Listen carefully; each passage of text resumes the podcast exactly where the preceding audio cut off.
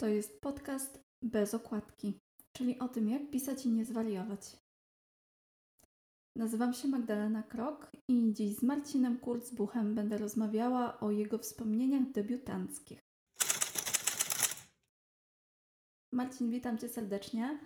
Bardzo Ci dziękuję, że dzisiaj jesteś tutaj ze mną w takiej innej roli niż dotychczas rozmawialiśmy między sobą. Mm, z drugiej strony też bardzo się cieszę, że miałam powód taki szczególny, żeby Ciebie zaprosić, bo jesteś przecież poetą już od, mogę chyba to powiedzieć, od wielu lat. Masz już spory dorobek. Masz, masz co wspominać. E, I chciałabym Ciebie właśnie o to zapytać. Chciałabym, żebyśmy wrócili gdzieś do Twoich korzeni. Także dziękuję, że mi umożliwiasz to. No, dziękuję, dziękuję, że dostałem tutaj e, takie zaproszenie do podcastu i witam Ciebie jeszcze raz serdecznie i witam wszystkich naszych słuchających. A, tak, e, no generalnie to można powiedzieć, że ta tradycja pisania u mnie to już sięga nastu lat. Oczywiście nie w sensie takim e, profesjonalnym, ale w sensie takim wydawniczym to będzie lat sześć. W tym roku, w sumie w styczniu, e, taka szósta rocznica od debiutu książkowego minęła. A wcześniej to wiadomo. Nawet się nie spodziewałam, że taką liczbą lat mi tu rzucisz. Rzuciłem, nieźle rzuciłem, co? No wiesz, e, E, tak poza tym, no to wiadomo, no to gdzieś tam człowiek zaczynał sobie w podstawówce pisać jakieś pierwsze wiersze miłosne, oczywiście o nieszczęśliwej miłości, żebyśmy się dobrze rozumieli. Natomiast, e, natomiast, e, no później gdzieś tam było to szlifowanie, dużo, dużo różnych prób takich w liceum. Moja polonistka, którą bardzo serdecznie pozdrawiam z tego miejsca, też miała e, okazję czytać na bieżąco te teksty, była nimi zarzucana, ale chciała ponoć. E, nawet nie ponoć, tylko wiem, że chciała, zawsze mi kibicowała. E, a później był taki krótki przeskok na studiach, kiedy stwierdziłem, że pisanie nie ma sensu. A to ze względu na to, że poszedłem, moi drodzy, na studia filologiczne, żeby się nauczyć pisania, żeby nauczyć się języka, literatury, czego, Boże Święty, ja się miałem tam nie nauczyć. No, ale życie wszystko weryfikuje. Ja wtedy na to gotowy nie byłem. No i dowiedziałem się, że no ja raczej wybitnym twórcą to nie zostanę, bo takich wybitnych to raczej się omawia na uniwersytecie i bardzo ważne zdanie, które później ująłem w mojej pierwszej książce, nad którym się wyżywałem na każdym spotkaniu autorskim, to to, że wszystko, co było do powiedzenia, już zostało powiedziane. No więc po co? No przecież wiadomo, że koła od nowa nie wymyślę, no ale może warto to koło opisywać na swój sposób, tak jak e, człowiek je widzi, jak je czuje. No i później na koniec studiów jakaś taka pojawiła się odwaga na piątym roku. Żeby nie zwariować przy pisaniu pracy magisterskiej, to zacząłem pisać jakieś tam opowiadanka. A później wróciłem do wierszy faktycznie, no i to zostało ze mną do dzisiaj najbardziej. Więc tak to w sumie e, ta droga się gdzieś zarysowuje do tego momentu debiutu. Czyli tak naprawdę mówisz mi, że miałeś taki moment zawieszenia i takiego zwątpienia.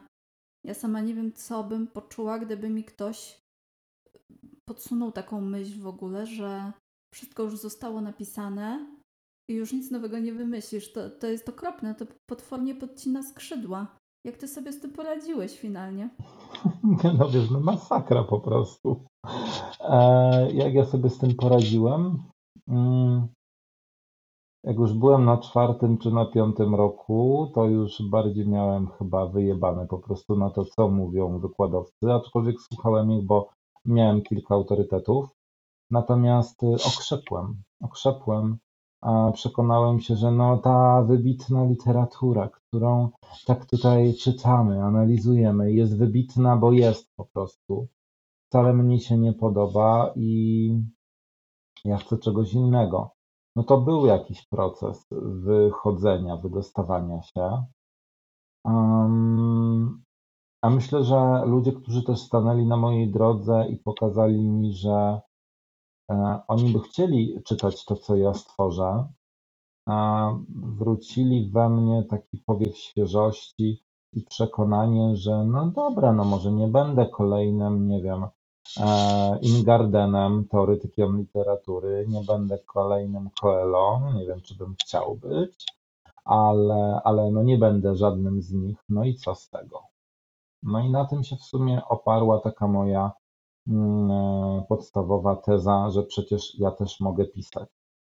E, a uważałem na tamten czas, że no, potrafię, potrafię pisać na tyle, na ile potrafię, ale potrafię. A to można przecież też kształcić. Też e, pamiętam, że w tamtym czasie bardzo popularne u nas w kraju i no, na świecie też po prostu zrobiły się wszystkie talent show typu The Voice of Poland, Mam Talent, i X Factory i tak dalej. Um, ja wtedy wysnułem sobie taką tezę, której się uczepiłem, że e, bardzo wiele się wymagał, że od tych uczestników oni muszą tam trafiać, że się tak brzydko wyrażę, gotowi, zrobieni.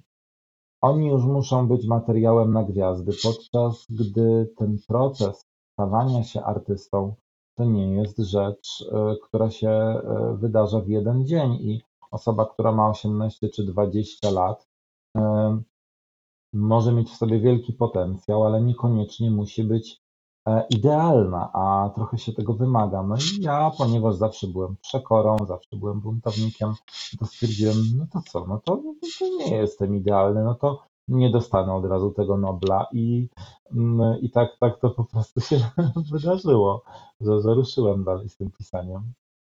Tak, tak, też się ubawiłam przed chwilą, jak powiedziałeś o Noblu, mm, bo jak sobie wspominam swoje takie młodzieńcze marzenia i wyobrażenia, mm, to ja bardzo dużo rozkmin ze sobą prowadziłam pod tytułem Ja nie chcę żadnych nagród. Ja nie chcę nagród, bo one mi się wydają nieprawdziwe i, i, i takie nie w mojej konwencji, nie w moim podejściu do pisania. No tak, i mnie to w sumie też tak cały czas e, napędza. Kiedyś tam zaczynałem, jak zaczynałem, to próbowałem sił w różnych turniejach, jednego wiersza, konkursach poetyckich, ale bardzo szybko zdałem sobie sprawę. Nie wiem, czy mogę tutaj o tym mówić, Złowrogi śmiech, że część z tych konkursów jest niestety ustawiona. Eee, a nawet jeżeli nie są ustawione, to poezja czy jakakolwiek forma literatury, no nie jestem przekonany, że powinny ze sobą konkurować. Że oczywiście można oceniać warsztat, ale to, co człowiek ma do powiedzenia, Trudno jest ocenić, że twoje było lepsze niż moje, a tak się dzieje. I to już jest indywidualny odbiór czytelników e, i to oni decydują na przykład o tym, że chcą przeczytać e, czyjeś e, zamiast mojego albo na odwrót. A taki sztuczny wybór najlepszego tekstu, czy trzech najlepszych, jakieś tam turnieje, miejsca, nagrody i tak dalej, no jest takie krzywdzące. Bo ktoś, kto dobrze pisze przez długie, długie lata, może nie spotkać się z żadną nagrodą, no co wiadomo będzie bardzo mm, takie demotywujące. No bo tak naprawdę po co bierzemy udział w tych wszystkich konkursach, kiedy jesteśmy młodymi pisarzami czy poetami? Mnie się wydaje, że to jest takie taka nadzieja, że sobie zbudujemy jakąś drogę do pisarskiej kariery. To jest takie otwieranie sobie drzwi i myślenie, jak mnie tu dobrze oceniają, to znaczy, że robię dobrze. I no wcale się nie dziwię. Wcale się nie dziwię, że jest taka potrzeba w nas utwierdzenia się w swoim talencie na tym etapie. No właśnie, a jeżeli robię nie tak, bo nie powiem robię źle, ale robię nie tak, jak sobie jury szanowne życzy, mm, albo jestem bardzo nieszablonowy, albo może w jakiś sposób moje podejście w tym wierszu do jakiegoś tematu nie zgadza się z tym, co, co, co napisane e, w jakimś tam regulaminie, czy po prostu w głowach ludzi, którzy oceniają, no to jestem na straconej pozycji. Jeszcze też tak mówiąc o konkursach, zauważyłem, nie wiem jak jest teraz, bo przepraszam, nie uczestniczę, ale jak uczestniczyłem w tych różnych wydarzeniach poetyckich, to było na, takie nasilone w latach 2016-17, na samym moim początku kariery twórczej, to e, duży poklask miały wiersze, w których było nagromadzenie wyrazów obcojęzycznych. Także uwaga, teraz rada, jeżeli chcesz wygrać konkurs, to napisz wiersz najlepiej bardzo długi, w którym zawrzesz bardzo dużo trudnych słów, bo one chyba udowodnią, że jesteś inteligentnym człowiekiem. Najlepiej pisz e, ze słownikiem wyrazów obcych. Mm, ja się muszę z Tobą zgodzić. Też moje obserwacje są takie, że bardzo często, nie chcę powiedzieć, że zawsze, ale bardzo często y, teksty, które tworzymy do konkursu, są tak naprawdę napisane pod konkurs. Mhm. Właśnie z taką świadomością, że coś będzie lepiej przyjęte, albo na coś się bardziej zwraca uwagę. Takie są realia. No, tak, tak, tak po prostu to wygląda. Wiadomo też, że różnego rodzaju instytucje są bardziej ugrzecznione niż my czasami chcemy być. Mm, I tworzy to taki zupełnie inny obraz, czy literatury, czy poezji. Mhm, tak, takie ugrzecznione i często rzeczywiście. To się no, zgodzę. No. Mi, a powiedz mi, jak to było u Ciebie? Mówimy o czasie konkursowym. Jak z tego czasu konkursowego, takich prób, testów, szlifów, przeszedłeś do tego, że stwierdziłeś, ok, pora to wydać, pora to zebrać w jedną całość i po prostu dać to czytelnikom? Wiesz to, to mm, te dwa etapy tak naprawdę rozgrywały się, uwaga, użyję słowa trudnego albo trudniejszego, niż równocześnie symultanicznie jeżeli już mówimy o słownikach języków obcych, wyrazów obcych. Natomiast mm, pojawił się pewien człowiek, który prowadził, prowadzi do dzisiaj fundację, która zajmuje się też między innymi pomocą osobom z jakimiś twórczymi zapędami, osobom e, w dużej mierze przede wszystkim niepełnosprawnym, ale nie tylko, bo zrzesza jakby to środowisko tak, żeby, mm, żeby łączyć właśnie tych ludzi, tak? Żeby też nie mówić właśnie, że ktoś jest niepełnosprawny, bo to tak wyklucza od razu. To oczywiście jest niefajne. Ja gdzieś tam trafiłem po prostu poprzez kolegę z pracy, e, który e, zaproponował, słuchaj, weź się spotkaj z tym istym człowiekiem. No i się okazało, że on chce mnie e, zaprosić do współpracy na łamach takiego wtedy to chyba był dwumiesięcznik czy kwartalnik Fundacji Kamena Łódź. I okazało się bardzo szybko, że mam, on jest redaktorem naczelnym, ja mam być zastępcą redaktora.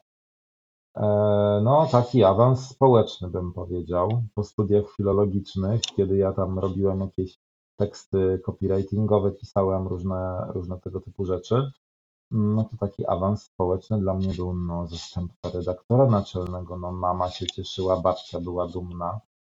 No przecież jak, no ale wiesz, to była praca niezarobkowa, wolontariat. No i rzeczywiście poznałem trochę ludzi dzięki temu.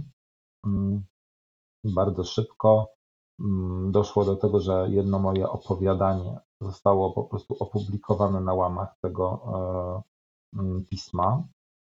A w sumie po trzech, tak, po trzech miesiącach współpracy nastąpiła premiera mojej pierwszej książki.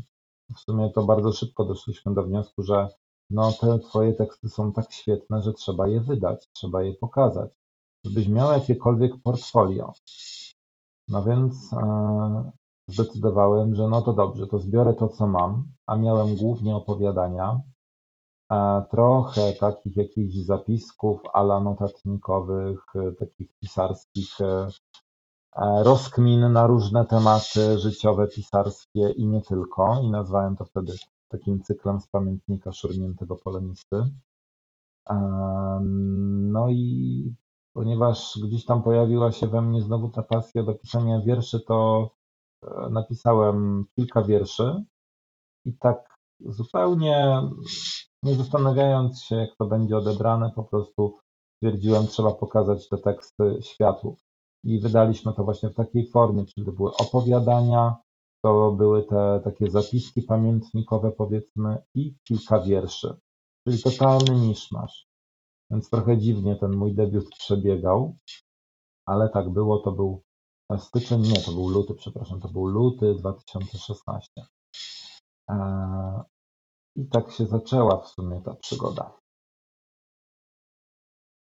To niesamowite, to, to takie zrządzenie losu jakby.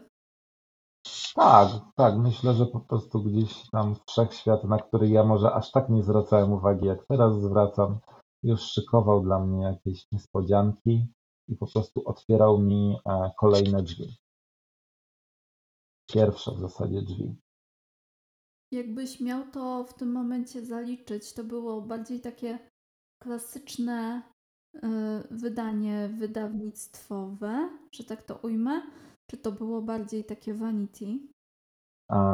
To było zdecydowanie vanity i tylko vanity i to jeszcze to było takie vanity, które ja zrobiłem w Wordzie na komputerze, więc dzisiaj po prostu mówię ze śmiechem o tym.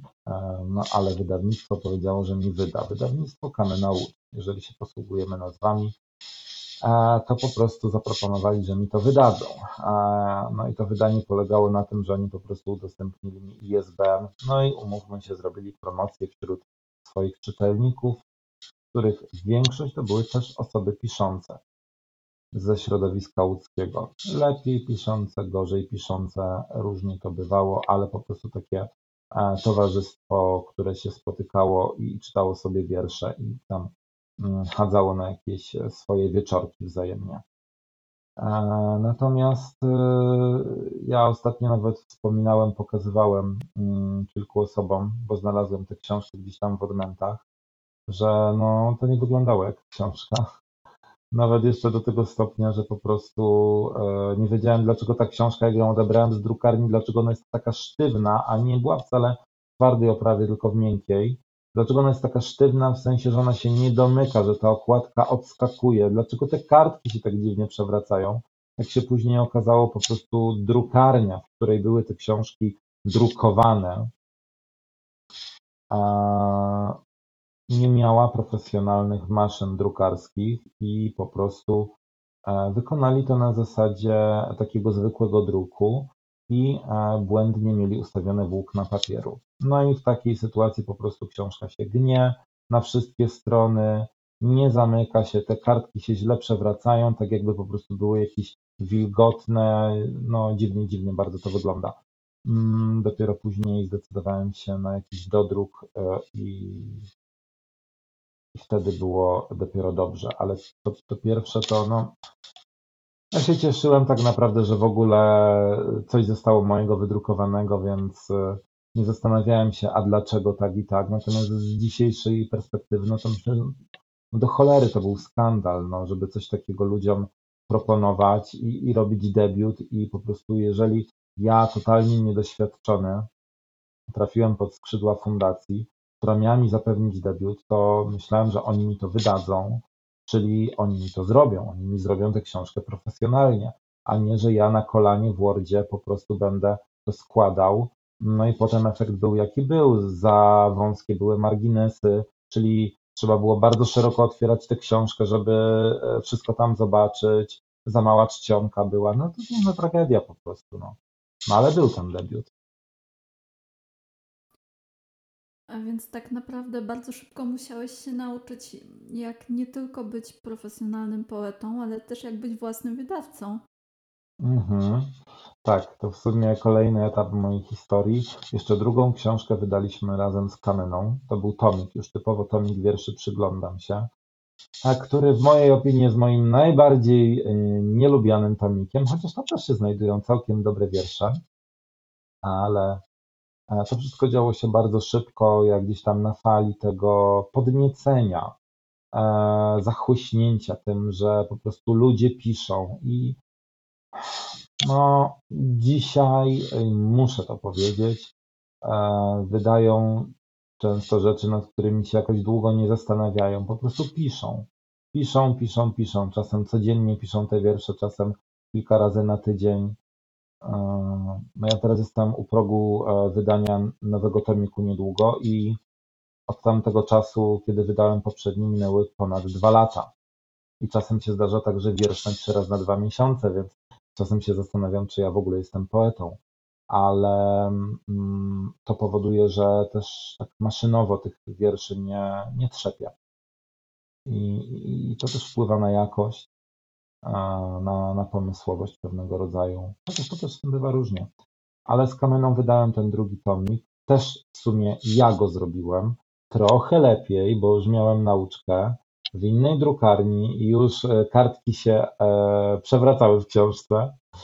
Mm, tak, jest moc, ale e, to była moja ostatnia książka wydana z Kameną, dlatego że usłyszałem taki komentarz od redaktora naczelnego, że tutaj ludzie generalnie wydają w tym środowisku dla siebie, dla przyjaciół, dla innych osób piszących i albo rozdają te tomiki za darmo, albo za symboliczne 5 zł. I żebym przeszedł się do antykwariatu i zobaczył, że całkiem nowe tomiki poezji są po 5 zł. A ja wiecie ile chciałem? 20 zł chciałem za książkę. No i bardzo szybko się też dowiedziałem, że Marcina Kurzbucha jest trochę za dużo, że za dużo rzeczy publikuje na Facebooku, że ludziom wyskakuje z szafy i o ile na początku byłem taką sensacją, nowością, tak teraz już po prostu jest mnie za dużo i żebym trochę przystopował dla własnego dobra. Potem się leczyłem z tego. Do dzisiaj się trochę leczę. Aż brak mi słów, po prostu brak mi słów, bo to drugi taki potężny cios dla młodego twórcy. Ten pierwszy, o którym mówiłeś, że, że po prostu zabrakło mi słów już wtedy, ale teraz... Nie ma po co pisać, tak? Bo wszystko powiedziane. Dwa największe ciosy, chyba na, największe tematy, jakie mogą nas dotknąć, kiedy tworzymy, bardzo, bardzo mocne podcięcie skrzydeł i, i takie, które niejedną osobę kompletnie zawrócą z tej drogi. Muszę Cię znowu zapytać, jak Ty się z tego leczysz? Jak, jak sobie z tym radzisz? No nie wiem, nie ogarniam. No wiesz, od, od jakiegoś czasu, od ponad dwóch lat to jest medytacja, jeszcze pewnie dłużej, taki świadomy rozwój osobisty, ale to była po prostu wtedy taka chęć i taka pasja, kiedy czytałem coś dobrego, że ja też mogę, że ja też mam pomysły. No i to, to płynęło. Może wtedy było bardziej nieświadome i jak jest już takie nieuświadomione, to jest, jest bardziej dzikie i się człowiek nie zastanawia, tylko po prostu kolejny raz e, zbiera się do kupy i po prostu robi to, co do niego należy. Teraz też to wygląda inaczej u mnie, ale wtedy nie wiem, nie wiem, jak ja to przeszedłem, jakichś ludzi poznałem kolejnych, bo ja nigdy nie byłem na tej drodze bez ludzi.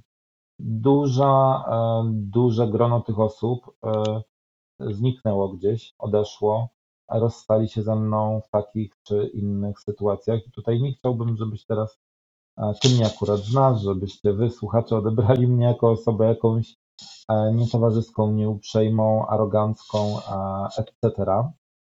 Ale wiele sytuacji po prostu jest takich, że z tymi ludźmi dzisiaj już nie mam kontaktu, bo o coś poszło.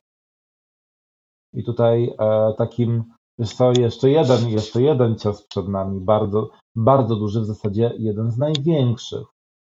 E, to był, kiedy e, pewna e, pani, łódzka poetka, e, rok wcześniej, no tak około rok wcześniej, wysłała mi opowiadanie o lustereczku, w którym tam gdzieś rozmawia sobie E, na zasadzie trochę takiej królewny śnie, e, tej macochy z królewny Śnieżki, kto jest najwspanialszą pisarką, a to lustereczko ją przekonuje, że no właśnie ona.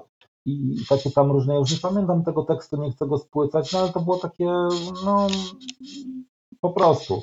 I ja rok później, e, słuchajcie, piszę na swoim blogu wywiad dziwny wywiad, bo chciałem, za, chciałem dostać pytania w wywiadzie, które, których nikt mi nigdy nie zadał. Więc piszę wywiad z samym sobą. I tego samego wieczora dostaję e, informację na Messengerze od tej osoby, że ona mi wysłała rok temu takie opowiadanie i ona uważa, że to, co ja zrobiłem, to jest plagiat. No, zacznijmy od kwestii gatunkowej, że wywiad, a opowiadanie to jest różnica, a e, wywiad z samym sobą to nie jest też nowość, którą ja odkryłem. Później bardzo, bardzo niefajna sytuacja z tego wynikła, natomiast mój przyjaciel porównał to tak, że ta pani e, mogłaby sobie tak samo uzurpować prawo do tego, że wymyśliła masturbację. No bo autentycznie taki komentarz usłyszałem. Natomiast chryja wyszła z tego niesamowita. E, ta osoba opublikowała na Facebooku po prostu wpis jako, e, że ona jest najbardziej cierpiąca, najbardziej zbolała i ona już tyle razy ludziom mówiła, że, że jest tyle tematów, których oni mogliby pisać, których ona nie pisała, że naprawdę już ma dosyć e, tego plagiatowania. I oczywiście mnie tam z imienia i nazwiska e, e, obnażyła, e, oznaczyła mnie na tym Facebooku, no i po prostu zrobił się zlot przyjaciółeczek z Facebooka, które zaczęły ją bronić, a po prostu no, ale się nie przejmuj, kochanie, ty i tak jesteś prawdziwie utalentowana i prawdziwy talent zawsze, zawsze zwycięży, a takimi to się nie przejmuj i tak dalej. No ale ja postanowiłem nie, nie siedzieć w miejscu i wziąć po prostu sprawę w swoje ręce, żeby się obronić. E, no i wywołała się po prostu taka lawina. Jedna osoba, z którą wtedy się przyjaźniłem i wtedy też zakończyłem moją przyjaźń po niedługim czasie. E, poprosiłem ją, żeby przeczytała ten mój tekst i tamto opowiadanie i żeby wypowiedziała się też jako filolog, czy to jest plagiat. No i ona zaczęła mnie bronić. Dyskusja na Facebooku, w której ja nie uczestniczyłem, trwała, no nie wiem czy nie, po prostu przez dwie doby non-stop. Tam po prostu laski obrzucały się błotem. E, to już dawno przestało być merytoryczne ja w pewnym momencie wkroczyłem, prosząc, żeby obie strony podały sobie ręce, że dyskusja nie dotyczyła tego, czy ta pani to e, bierze jakieś srogie piguły, a ta jej napisała, że jakbym spotkała panią na ulicy, to dałabym pani popysku, a tamta jej odpisała znowu, że e, za takie pogróżki to ja mogę panią do sądu zgłosić.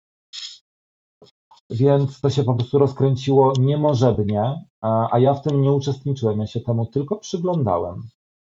No i na koniec, ponieważ nie chciałem e, ogłosić publicznie, że moja przyjaciółka, wtedy przyjaciółka, nie bierze niczego i nie jest narkomanką, bo ona mnie o to poprosiła w wiadomości prywatnej. Ja mówię, słuchaj, to ty cały czas nakręcałaś tę rozmowę. Gdybyś ucięła to w tym momencie, kiedy ja ci mówiłem, codziennie pisałem ci, proszę cię skończ. Gdybyś ty to ucięła, to nie byłoby tematu i ta dyskusja by się skończyła. No to ona, ponieważ ja napisałem, że nie będę składał takich oświadczeń, ujawniła fragmenty naszych prywatnych rozmów na Messengerze, gdzie tam po prostu, no wiesz, no jak to ludzie po prostu czasem się napisało, patrz, ona jest jakaś popierdolona, zobacz, co ona teraz napisała, jaki komentarz, nie? Ej, to ona jest chyba jakaś jebnięta, ta z tamta z drugą. No i wyszło na to, że Marcin Kurzbuch po prostu manipuluje wszystkimi, wszystkich oczernia i jak się okazało, że koleżanka to opublikowała, to wszystkie się tam skumulowały, że tak powiem, zjednoczyły przeciwko mnie i nastąpiło takie publiczne oświadczenie, że teraz będziemy wszystkich ostrzegać przed tym panem, bo jest strasznym manipulatorem i po prostu bawił się nami. I one wszystkie nagle się zaprzyjaźniły w Trymiga. A ja przeżywałem wtedy przez kolejne jeszcze kilka dni bardzo ciężki czas i wtedy naprawdę powiedziałem, pierdolę, to nigdy więcej nie będę pisał, bo po prostu to, to się nie opłaca, nie mam z tego pieniędzy, nie mam z tego żadnego jakiegoś uznania, a mam się po prostu z takimi z takim dziadostwem po prostu borykać. I e, mieszkałem wtedy jeszcze z rodzicami, oni widzieli, jak mnie to wy, wyniszczyło psychicznie. I mój tata, to gdyby mógł, to by mi po prostu zabronił pisania. Powiedział, odpuść sobie. Odpuść sobie, po prostu nie baw się w to. No i byłem bliski tego. Coś mnie uratowało. Uratowało mnie napisanie kolejnego wiersza, w którym po prostu wylałem e, te wszystkie e, emocje. No i ta miłość do pisania. No to chyba już, e, potem, potem było już tylko lepiej, prawda? No jeszcze się zdarzały jakieś tam historie, ale mm, o ile wtedy było mi bardzo ciężko e, emocjonalnie to wszystko przeżyć, o tyle od tego momentu zaczął się taki punkt zwrotny w moim życiu, że odbiłem się. No nie mogę powiedzieć, że od dna, ale no troszkę w pewnym sensie od tego dna się odbiłem, bo po prostu zacząłem bardziej brać odpowiedzialność za to, z kim ja się zadaję, jakich ja ludzi zapraszam do swojego życia, co ja tym ludziom mówię, bo może ci ludzie z jakiegoś powodu są w moim życiu, ale ja im nie wszystko muszę mówić. Bardziej zacząłem zwracać uwagę na to, kto jest moim przyjacielem, a kto się nim tylko nazywa. A już takich sytuacji więcej nie było. Nie było i nie będzie, bo już teraz zupełnie świadomie do wielu rzeczy w życiu podchodzę. Marcin Kurzbuch, skandalista. No, dajcie spokój. No.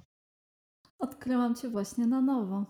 Ale powiem ci, y, że bardzo bogate, bogate historie masz związane ze swoim pisaniem. Y, bardzo takie kolorowe, bo jak ciebie słucham i mówisz o tym jako o takiej przyjętej lekcji w zasadzie, mhm. To myślę sobie, że to jest też bezcenne, kiedy możemy mówić o takich rzeczach i dzielić się z naszymi słuchaczami, przygotowywać ich też na to, że nie wszystkie doświadczenia na naszej pisarskiej drodze są pozytywne. Nie wszystko tu jest takie fajne i takie słodkie, jak nam się wydaje, jakbyśmy chcieli. Być może jak my sobie piszemy w swoim własnym domowym zaciszu, to jest cudownie. Ja, ja myślę, że, że to jest po prostu najlepsza partia tego wszystkiego.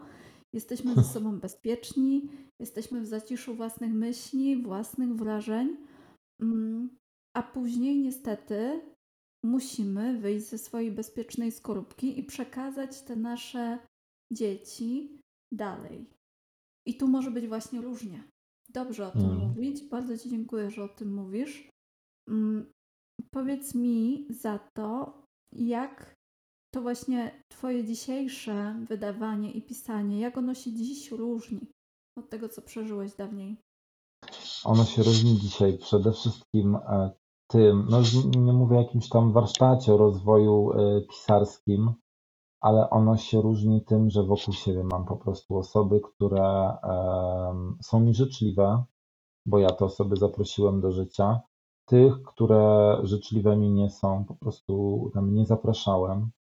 Mm, to ja mam ten kluczyk, e, przez który przepuszczam, taki od, odźwierny w swoim życiu. To ja mam ten kluczyk i ja się tym zajmuję. E, I nie dopuszczam po prostu do takich sytuacji i nie, nie muszę i nie uczestniczę. Powiem tak, nie uczestniczę też, mm, może trochę uciekłem od tego życia takiego właśnie pisarskiego na skalę mojego miasta czy województwa, bo gdzieś tam jeździłem na jakieś przeglądy, zloty poetyckie i tak dalej. Ja się od tego odciąłem właśnie dlatego, że po prostu nie chciałem tych wszystkich sytuacji. Może to, e, może to jakoś niezdrowe, może niewłaściwe, ale było mi to wtedy potrzebne. Nie wiem, jak będzie w przyszłości. To nie znaczy, że ja się odcinam od ludzi, ale od pewnych rzeczy, pewnych sytuacji na pewno chciałbym się odciąć, bo trzeba po prostu zrobić taką grubą krechą, to przeciąć. Mm, więc to jest na pewno jedno, co, co, co wyróżnia, co odróżnia to moje pisarstwo dzisiaj. Na pewno z każdą napisaną książką jakaś większa świadomość literacka, wydawnicza. Mm. Ja myślę, że ale e, tym, co najważniejsze, co najważniejsze się zmieniło w stosunku tego Marcina, który miał lat 25-26, a tego, który za chwilę będzie kończył 32, jestem ja sam w sobie. To jest mm, najważniejsze Asia Nowocień, e, z którą współpracuję przy tworzeniu wierszy, przy redakcji i przy poprzedniej książce współpracowaliśmy i teraz przy tej kolejnej też. E, powtarza jedno magiczne zdanie, że wiersze, znaczy jakakolwiek inna twórczość podąża za rozwojem autora. I tak mogę to powiedzieć, bo e, ten tomik, który teraz przygotowuję, jest bardzo zanurzony w moim rozwoju, w tym, czego ja doświadczyłem. To nie są rzeczy zmyślone, jakieś tam z sufitu spisane e, pomysły. Mm, dlatego też trwało to tyle, bo to już ponad dwa lata od poprzedniej premiery, ponieważ ja zbierałem materiał, życiowy materiał na to, żeby napisać coś dobrego. Mm, już tak jak mówię, nie produkuję tych wierszy. Na początku też miałem takie zakusy, żeby produkować te wiersze, ale na szczęście dość szybko się z tym opamiętałem. Więc myślę, że to jest e, najważniejsze. Najważniejsze to jest zmiana w samym sobie, praca nad sobą, nad swoimi emocjami. U mnie tutaj też dużo właśnie ten rozwój duchowy, medytacja bardzo wiele zmieniły. No i takie serdeczne podejście do świata, do ludzi, mm, że tam, gdzie idę, to po prostu chcę się dzielić miłością. Na początku, tak jak powiedziałeś, wydawałeś Vanity, ale tak naprawdę wydawałeś ty. Mm, fundacja zapewniała ci jakąś formę promocji. A dzisiaj jak to wygląda? Jak, jak wydajesz swoje tomiki? Więc później poprzyglądam się, tak, e, taki szybki rzut w przeszłość jeszcze dam. Była Operacja Niebo, którą wydałem w takim łódzkim wydawnictwie Nowatoria i to rzeczywiście to, to było też Vanity, ale to oni robili całą książkę. Tam były rozmowy też redakcyjne, jakie zdjęcia chcę, część zdjęć była moja, jaką chcę okładkę i tak dalej, ale to było rzeczywiście przez nich wydane. Natomiast e, już później moje dwie ostatnie książki, Nasilenie wiosenne, Science Fiction, Supernatural, te dwa tytuły mm, znowu wydałem sam. E, no i tak naprawdę, cóż, posiadłem zdolność składania, e, składania materiału na komputerze, więc to nie jest już książka robiona w Wordzie, tylko w specjalnym do tego programie przeznaczonym. Mm, I nie wiem, jak będzie teraz z tą książką, bo mam zakusy na to, żeby gdzieś tam uderzyć do jakiegoś wydawnictwa, ale ja też stawiam pewne warunki. Ja reżyseruję moje książki i e, ja chcę, żeby było tak, jak ma być, bo ja mam pewną wizję. Oczywiście jestem pokorny i też słucham ludzi, którzy mogliby mi coś lepszego zaproponować, ale no jestem, jestem twórcą, e, reżyserem swoich książek, jak to bardzo często powtarzałem przez, przez lata. Jeżeli chodzi o te dwie poprzednie książki, to e, przy Science Fiction Supernatural to było tak, że zrobiliśmy zbiórkę, zresztą w której ty uczestniczyłaś, bo pomagałaś mi e, w zrobieniu świetnej kampanii na Wspieram to. I tam zdobyliśmy kasę po prostu na, na zrobienie tego materiału, na, na wydanie tej książki, ale wydanie ograniczało się tak naprawdę do druku do druku. Mam fajną drukarnię, z którą współpracuję przy każdej książce i to mi wystarcza. Ten hajs, który musiałbym wydać e, w jakimś wydawnictwie, po prostu e, przeliczam na swoje robocze godziny w domu spędzone nad składem, nad tym, że a ta czcionka to może tak, a może numer strony w tym miejscu, a może w tamtym, a jeszcze to trzeba i tak dalej, i tak dalej. Dla mnie to jest mega frajda, że, że to się po prostu kształtuje pod moimi palcami. Aczkolwiek Wydawnictwo, i to na pewno trzeba przyznać, daje większe możliwości, bo oni też e, po prostu dają e, sprzedaż tej książki. E, są też na targach książek różnego rodzaju. Natomiast jako taki autor Vanity, który sam siebie wydaje, no to byłoby bardzo trudne, bo takie stanowisko jest potwornie drogie, żeby dostać stanowisko na targach książki. Więc podpięcie się pod wydawnictwo Współpraca z takim wydawnictwem, które ma jakąś pozycję, jest na pewno dobrym pomysłem i o tym też myślę. Zobaczymy, jak to będzie.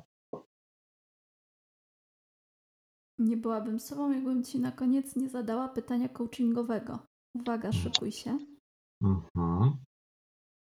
Co byś poradził sobie?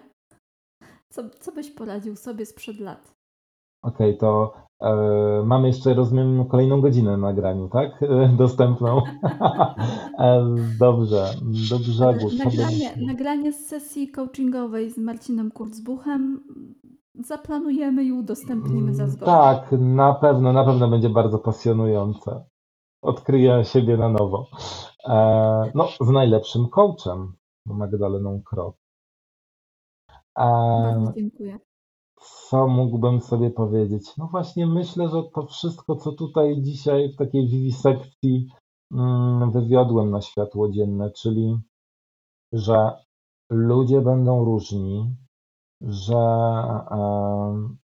żeby też dbać o swoje emocje, bo ja pamiętam, byłem bardzo też taki roztrzęsiony i tak przeżywałem każdego lajka na początku, w ogóle to było ten o mnie napisał, ta o mnie napisała, tu jestem udostępniony i tak dalej, był taki totalny szał w tym środowisku łódzkim. Mm, a potem to ucichło, więc też moje emocje były takie jeszcze w tamtym czasie naprawdę byłem niestabilny e, emocjonalnie, podług tego, jaki jestem dzisiaj. Bo to nie znaczy, że jakimś tam wariatem byłem, ale no, jesteśmy w takim gronie, że nikt by nie powiedział, że niestabilna osoba emocjonalnie to wariat. No ale tak e, powiedzmy e, bardzo potocznie.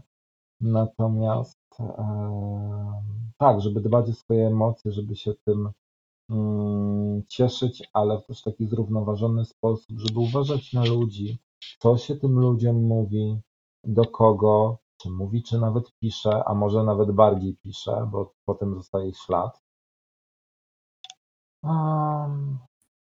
No i tak, żeby, żeby wierzyć w swoje marzenia, żeby się rozwijać, żeby po prostu kochać to, co się robi i robić to mimo przeciwności. Jeżeli zaklniesz, jeżeli po prostu czasem zagryzisz zęby, a, i, bo nie jesteś w stanie wytrzymać z bólu, to, to też jest kształcące. Tak jak na przykładzie tego, zwłaszcza ostatniego, naj, najważniejszego dla mnie y, wydarzenia, mogę to potwierdzić. Mm, no to jest banalne powiedzenie, ale prawdziwe. Co cię nie zabije, to cię wzmocni. I będę to powtarzał, bo, bo sam to przerobiłem. Także szukać dobrych ludzi, a szukać w sobie dobrych emocji, pozytywnego nastawienia do świata. Na początku jest trudno, bo nie wiadomo od czego zacząć. Można zacząć od sesji na przykład z Magdaleną Krok, E, I, i, I ona tam, i ona tam wydobędzie i pokaże, i, i, się, i, się, i się znajdą odpowiedzi wtedy. Mm, to taką małą promocję Ci tutaj zrobiłem e, przy okazji, ale, ale no tak, myślę, że różne mogą mieć sposoby dojścia do tego, ale żeby, mm, żeby dbać o siebie, na cokolwiek to znaczy dla, dla kogokolwiek. Bardzo Ci dziękuję za tą promocję, e, ale też dziękuję Ci za te wszystkie słowa, dlatego że uważam, że czegokolwiek nie tworzymy, to przede wszystkim jesteśmy ludźmi. E, I bardzo, bardzo musimy o tym pamiętać. Nie tylko dlatego, że im więcej mamy w tym świadomości, tym lepiej tworzymy, ale właśnie też dlatego, że kiedy nam się zdarzają te trudne momenty, to możemy sobie lepiej z nimi poradzić, tak jak mówisz. A ja Ci dziękuję za to, że umożliwiłaś mi też powiedzenie o tych brudach, bo to była kiedyś rzecz, wiesz, jak to jest, jak facet leje kobietę w domu, to ona nie powie o tym, bo się z tego wstydzi. I to troszkę na zasadzie takiej właśnie przemocy. Mm, bardzo fajnie, że mogę o tym mówić. Tu nie chodzi o to, żeby e, oczerniać ludzi, a raczej oczerniać pewne zjawiska, jeżeli już, żeby, żeby piętnować pewne zjawiska, potępiać je. Mm, także wow, pierwszy raz publicznie mogłem powiedzieć o tych brudach, o tym wszystkim, czego doświadczyłem. Ja dzisiaj nie muszę się żalić. Mm, nie muszę, nie muszę opowiadać tego z bólem w sercu e, swoim przyjaciołom, bo po pierwsze dotarłem też na tej ścieżce do momentu, gdzie to ja dla siebie sam jestem najlepszym przyjacielem i po prostu w sobie mam to oparcie. Mam oparcie w przyjaciołach, fakt, ale to właśnie w sobie mam to źródło. I no, także jestem w ogóle zszokowany, że o takich rzeczach wolno mówić w internecie. W internecie można powiedzieć wszystko. Internet to zapamięta. Ale tak, no tak po prostu było. Nie będę kolorował. Po to tu jesteśmy, tutaj wiesz, mówimy tu bez okładki. Bez okładki. Mhm. Tak, na, nazwa zobowiązuje. Mówmy tutaj prawdę, mówmy, mówmy jak jest w tych naszych środowiskach, po to, żeby było coraz zdrowiej, żeby było coraz lepiej nam. Mm, jeszcze zanim Cię wypuszczę, zanim się z Tobą pożegnam, chciałam zapytać, powiesz mi chociaż troszkę więcej o swoim nowym tomiku? No na to pytanie nie byłem gotowy. Jeszcze w sumie tego nie ogłosiłem. No teraz już będę musiał ogłosić to na Facebooku i na Instagramie. Um, tak jak wspomniałem e, o Asi Nowocień, która powtarza, że rozwój artysty, e, e, twórczość artysty podąża za jego rozwojem, tak, jako że gdzieś tu wspominałem o medytacji, o rozwoju duchowym, no nie było przestrzeni na inne jakieś elementy, typu właśnie świadomość własnego ciała, ale no to są takie wszystkie elementy, które mm, gdzieś tam łączą się ze sobą. To ten tomik właśnie będzie podążał za moim rozwojem, tak tajemniczo powiem. E, dobrze, niech będzie tak, że e, tytuł premiery nowego tomiku Marcina Kurzbucha odbędzie się w podcaście bez okładki i tytuł tomiku to będzie Czemu Budda jest biały? Tak zastanawiam się, czy coś jeszcze dodać. Może chcesz jakiś szczegół na przykład? Mnóstwo pytań od razu mi przychodzi. E, oczywiście chciałabym Ciebie zapytać o, o znaczenie tego tytułu. O to, czemu Budda jest biały. Ale z drugiej strony myślę, zostawmy to takim tajemniczym mhm. e, i wykorzystajmy to jako punkt zaczepny do następnej naszej rozmowy. Mam nadzieję, że się spotkamy i że będziesz nam mógł poopowiadać więcej o tym tomiku, kiedy on już fizycznie się pojawi. No, słuchaj, z wielką przyjemnością będę czekał na zaproszenie. Cudownie, wspaniale. A czy masz już jakiś przewidziany moment w czasie, kiedy on się pojawi? Nie, tego jeszcze nie. E, prawdopodobnie będzie to początek przyszłego roku, ale nic tutaj nie chcę obiecywać, no bo być może to będzie współpraca z wydawnictwem, być może będzie to wydanie e, takie znowu Vanity. E, Teraz jestem na etapie poszukiwania okładki i kombinowania, co tam, co tam przedstawić, co zrobić. E, no i muszę właśnie nawiązać jakieś kontakty z wydawnictwem, o którym myślę, ewentualnie jeszcze poszukać jakichś innych wydawnictw. Natomiast e, do 26 listopada musimy zakończyć z Asią wstępną redakcję książki, bo później po prostu jej plany życiowe nie pozwolą na to, żeby angażować się w tę pracę. Także no, słuchaj, 26 listopada będzie oficjalna premiera e, zamknięcia prac nad tą książką, jakkolwiek to nie brzmi. E, także, także duże mamy tempo. Ale to cenne i bardzo wartościowe. Dużo determinacji. Ja mocno trzymam za Was kciuki. Wiem, że uwijacie się jak mrówki. Mm, I, I będę wyczekiwać tego tomiku i będę trąbić o nim na prawo i lewo. No super, jest mi bardzo miło. Jeżeli chodzi jeszcze o jedną rzecz, tak bym chciał zahaczyć odnośnie tego tomiku. Ten tytuł to już ładnych kilka miesięcy był w mojej głowie. Zresztą kiedyś o nim rozmawialiśmy na Piotrkowskiej, siedząc na ławeczce.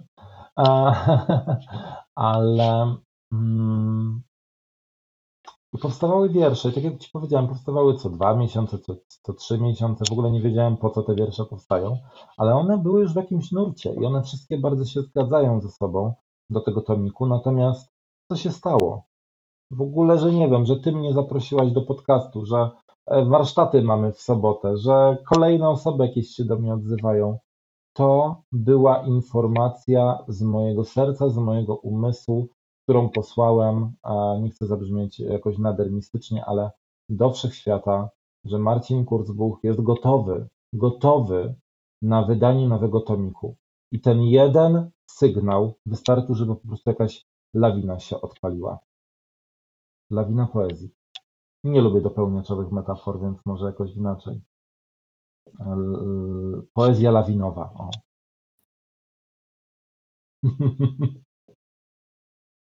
Śmieję się tu z tobą, śmieję się po cichutku, żeby nie zagłuszać tego wszystkiego, co mówisz. A ja widzę, że się śmiejesz. Ale bardzo się cieszę, że, że to wszystko się tak potoczyło i tak jak mówię, no ja czekam. Ja, ja już troszeczkę też miałam tą frajdę wysłuchać kilku wersów, także naprawdę zacieram ręce i, i czekam. Marcinie, skandalisto, poeto nowej awangardy. Bardzo Ci dziękuję za tą rozmowę. Bardzo Ci dziękuję za, za Twoją szczerość, za Twoje prawdy dzisiaj. Mm, takie autentyczne i takie po prostu. Mm, mam nadzieję, że, że też kończysz tą rozmowę z tak szerokim uśmiechem jak ja. Dokładnie. I wrócisz do nas niebawem. Jasne. Jeszcze raz serdecznie dziękuję i cieszę się, że bez okładki stajesz takim też moim domem a, twórczym. Dom bez okładki. Może być dom bez dachu, a to jest dom bez okładki. Podoba mi się to określenie. Moi kochani, bardzo Wam dziękuję za ten wspólny czas. E, zapraszam Was już, już dzisiaj na kolejny nasz odcinek.